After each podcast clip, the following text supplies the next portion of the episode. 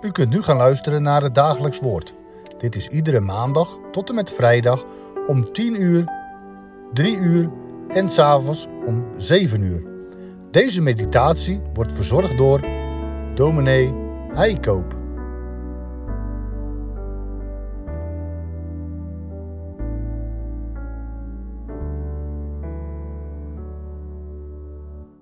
We lezen verder in de Handelingen van de Apostelen, hoofdstuk 21, vers 10 tot en met 14.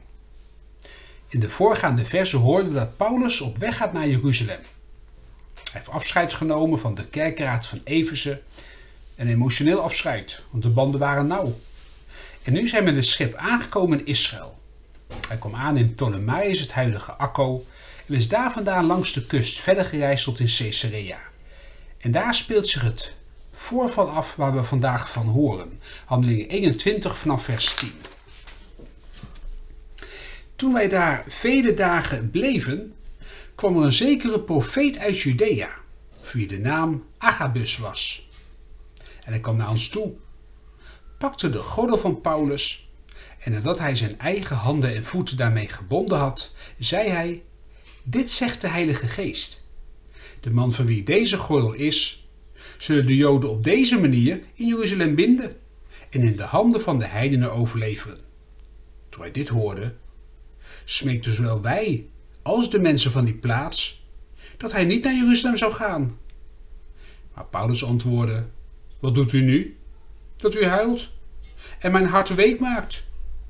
Want ik ben bereid niet alleen gebonden te worden, maar ook te sterven in Jeruzalem voor de naam van de Heer Jezus. En toen hij zich niet liet overtuigen, deden wij het zwijgen toe en zeiden: Laat de wil van de Heere geschieden. Broeders en zusters, Paulus is op weg naar Jeruzalem. Maar moet hij wel daar naartoe gaan? Het lijkt de weg te zijn waarop de geest hem leidt. Maar hij krijgt ook signalen dat hij daar beter niet naartoe kan gaan. Welke weg moet hij gaan? Als Paulus nog in Caesarea is, komt Agabus naar hem toe, een profeet uit Judea. We zijn hem al eens eerder tegengekomen. In Handelingen 11 hoorden we dat hij een hongersnood profeteerde, die er daarna ook inderdaad gekomen is. Door de voorzegging van Agabus konden de gemeenteleden zich daar toen op voorbereiden.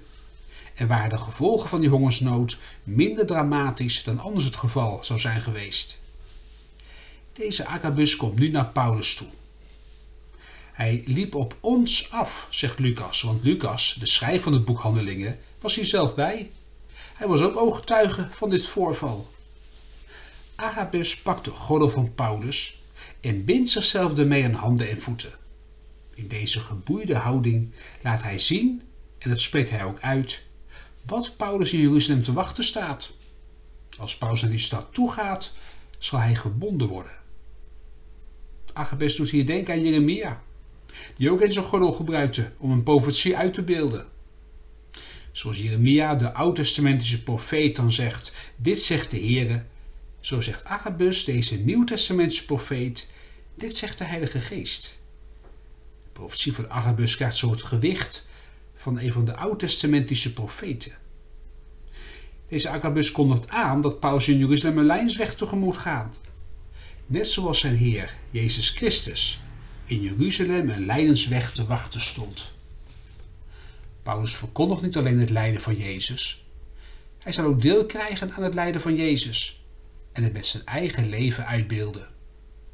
De omstanders, Lucas en de andere mensen die erbij staan, schrikken van deze profetie. Toen wij dit hoorden, zegt Lucas, smeekten wij Paulus dat hij niet naar Jeruzalem zou gaan, dat hem dat lot bespaard zou blijven. Maar Paulus ervaart deze uiting van meeleven als een verzoeking. En hij reageert fel. Wat doet u nu? vraagt hij emotioneel.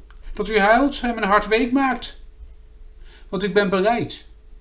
Niet alleen om gebonden te worden, maar ook om te sterven in Jeruzalem voor de naam van de Heer Jezus. Het doet denken aan Jezus' felle reactie. Toen Petrus hem wou tegenhouden om de weg naar Jeruzalem te gaan. Om de weg van het lijden te gaan. Dat zal niet overkomen, zei Petrus tegen Jezus. Maar Jezus reageerde toen met: Ga weg, achter mij, Satan. Net als Heer Jezus heeft ook Paulus hier een innerlijke strijd. Hij ziet op tegen het lijden dat hem te wachten staat. En tegelijk weet hij zich ertoe geroepen. Moet hij deze weg gaan? En verklaart hij zich daartoe bereid?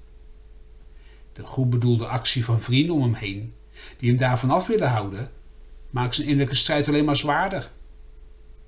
Paulus is bereid om gevangen genomen te worden. En zelfs om voor zijn Heer te lijden. Als dat Gods weg is, dan moet hij die weg gaan. Het doet denken, Paulus' antwoord doet denken aan het antwoord dat de Heer Jezus gaf. In Gethsemane, niet mijn wil, maar uw wil geschieden. Zo zou je deze gebeurtenis van Paulus zijn Gethsemane kunnen noemen. Zijn worsteling om de weg te gaan die hij moet gaan. Zoals de Heer Jezus zijn grote gebedsworsteling had in de hof van Gethsemane, zo heeft Paulus hier op een kleiner niveau zijn eigen Gethsemane, zijn eigen worsteling met de weg die God van hem vraagt. En zo'n soort strijd herkent u of jij misschien ook wel uit je eigen leven. Je staat op een tweesprong. Je moet nu linksaf of rechtsaf. En je overweegt welke keuze je moet maken. Zal ik die baan aannemen? Ook als er heel wat consequenties aan vastzitten. Ook voor ons gezin. Zal ik deze taak aannemen? Ook als die mij heel zwaar lijkt. Zal ik die benoeming aannemen? Of zal ik ervoor bedanken? De ene weg lijkt je veel makkelijker en prettiger dan die andere weg. Gevoelsmatig word je naar die makkelijke weg toegetrokken. Maar een stemmetje in je zegt dat God een andere weg met je wil gaan. Een weg die zwaarder is, waar je als een berg tegenop kunt zien. En je legt je keuze voor in gebed. Wat wilt u, heren, dat ik doen zal? In je innerlijk kan ze dan een hele strijd afspelen. Je wilt de ene kant op gaan, maar je hoort de roeping naar de andere kant. Die andere weg, die een stuk zwaarder is. Daar wil de Heilige Geest je opleiden. Wat moet je doen? Juist als iemand je dan voorhoudt, doe dat maar niet. Laat dat maar zitten. Bedank maar voor die roeping. Dan kan het een aanvechting zijn. Want wat die ander zegt, is eigenlijk precies wat je zelf ook wilt. Die nodiging resoneert dan ook in jezelf. En dan kost het veel moeite om te zeggen: Ik doe het toch. Ik geloof dat dit is wat God van mij vraagt. Ik geloof dat dit de weg is waarop Hij mij leidt. Zo staat Paulus hier voor een afweging. Ga ik de moeilijke of de makkelijke weg?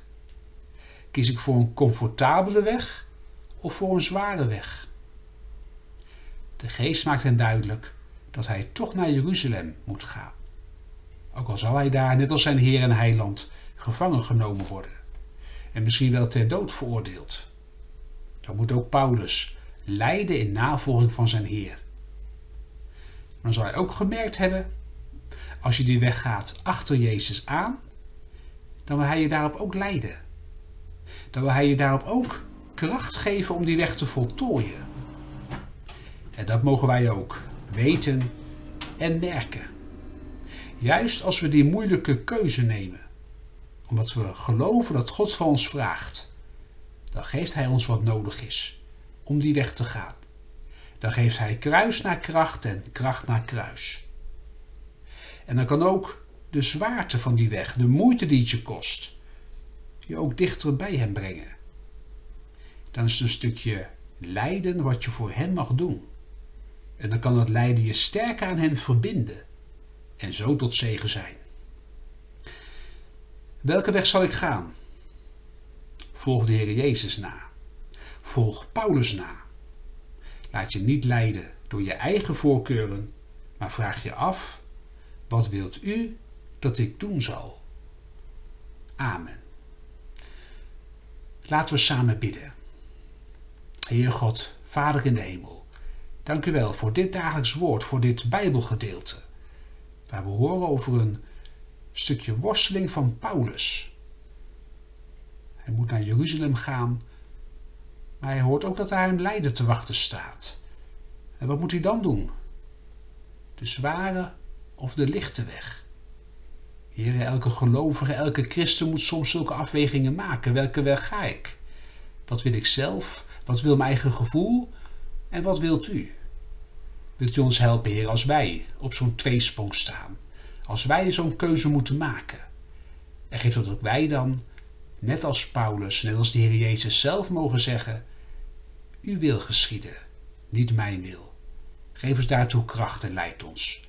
Dat danken en bidden wij u in de vergeving van onze zonden om Jezus wil. Amen.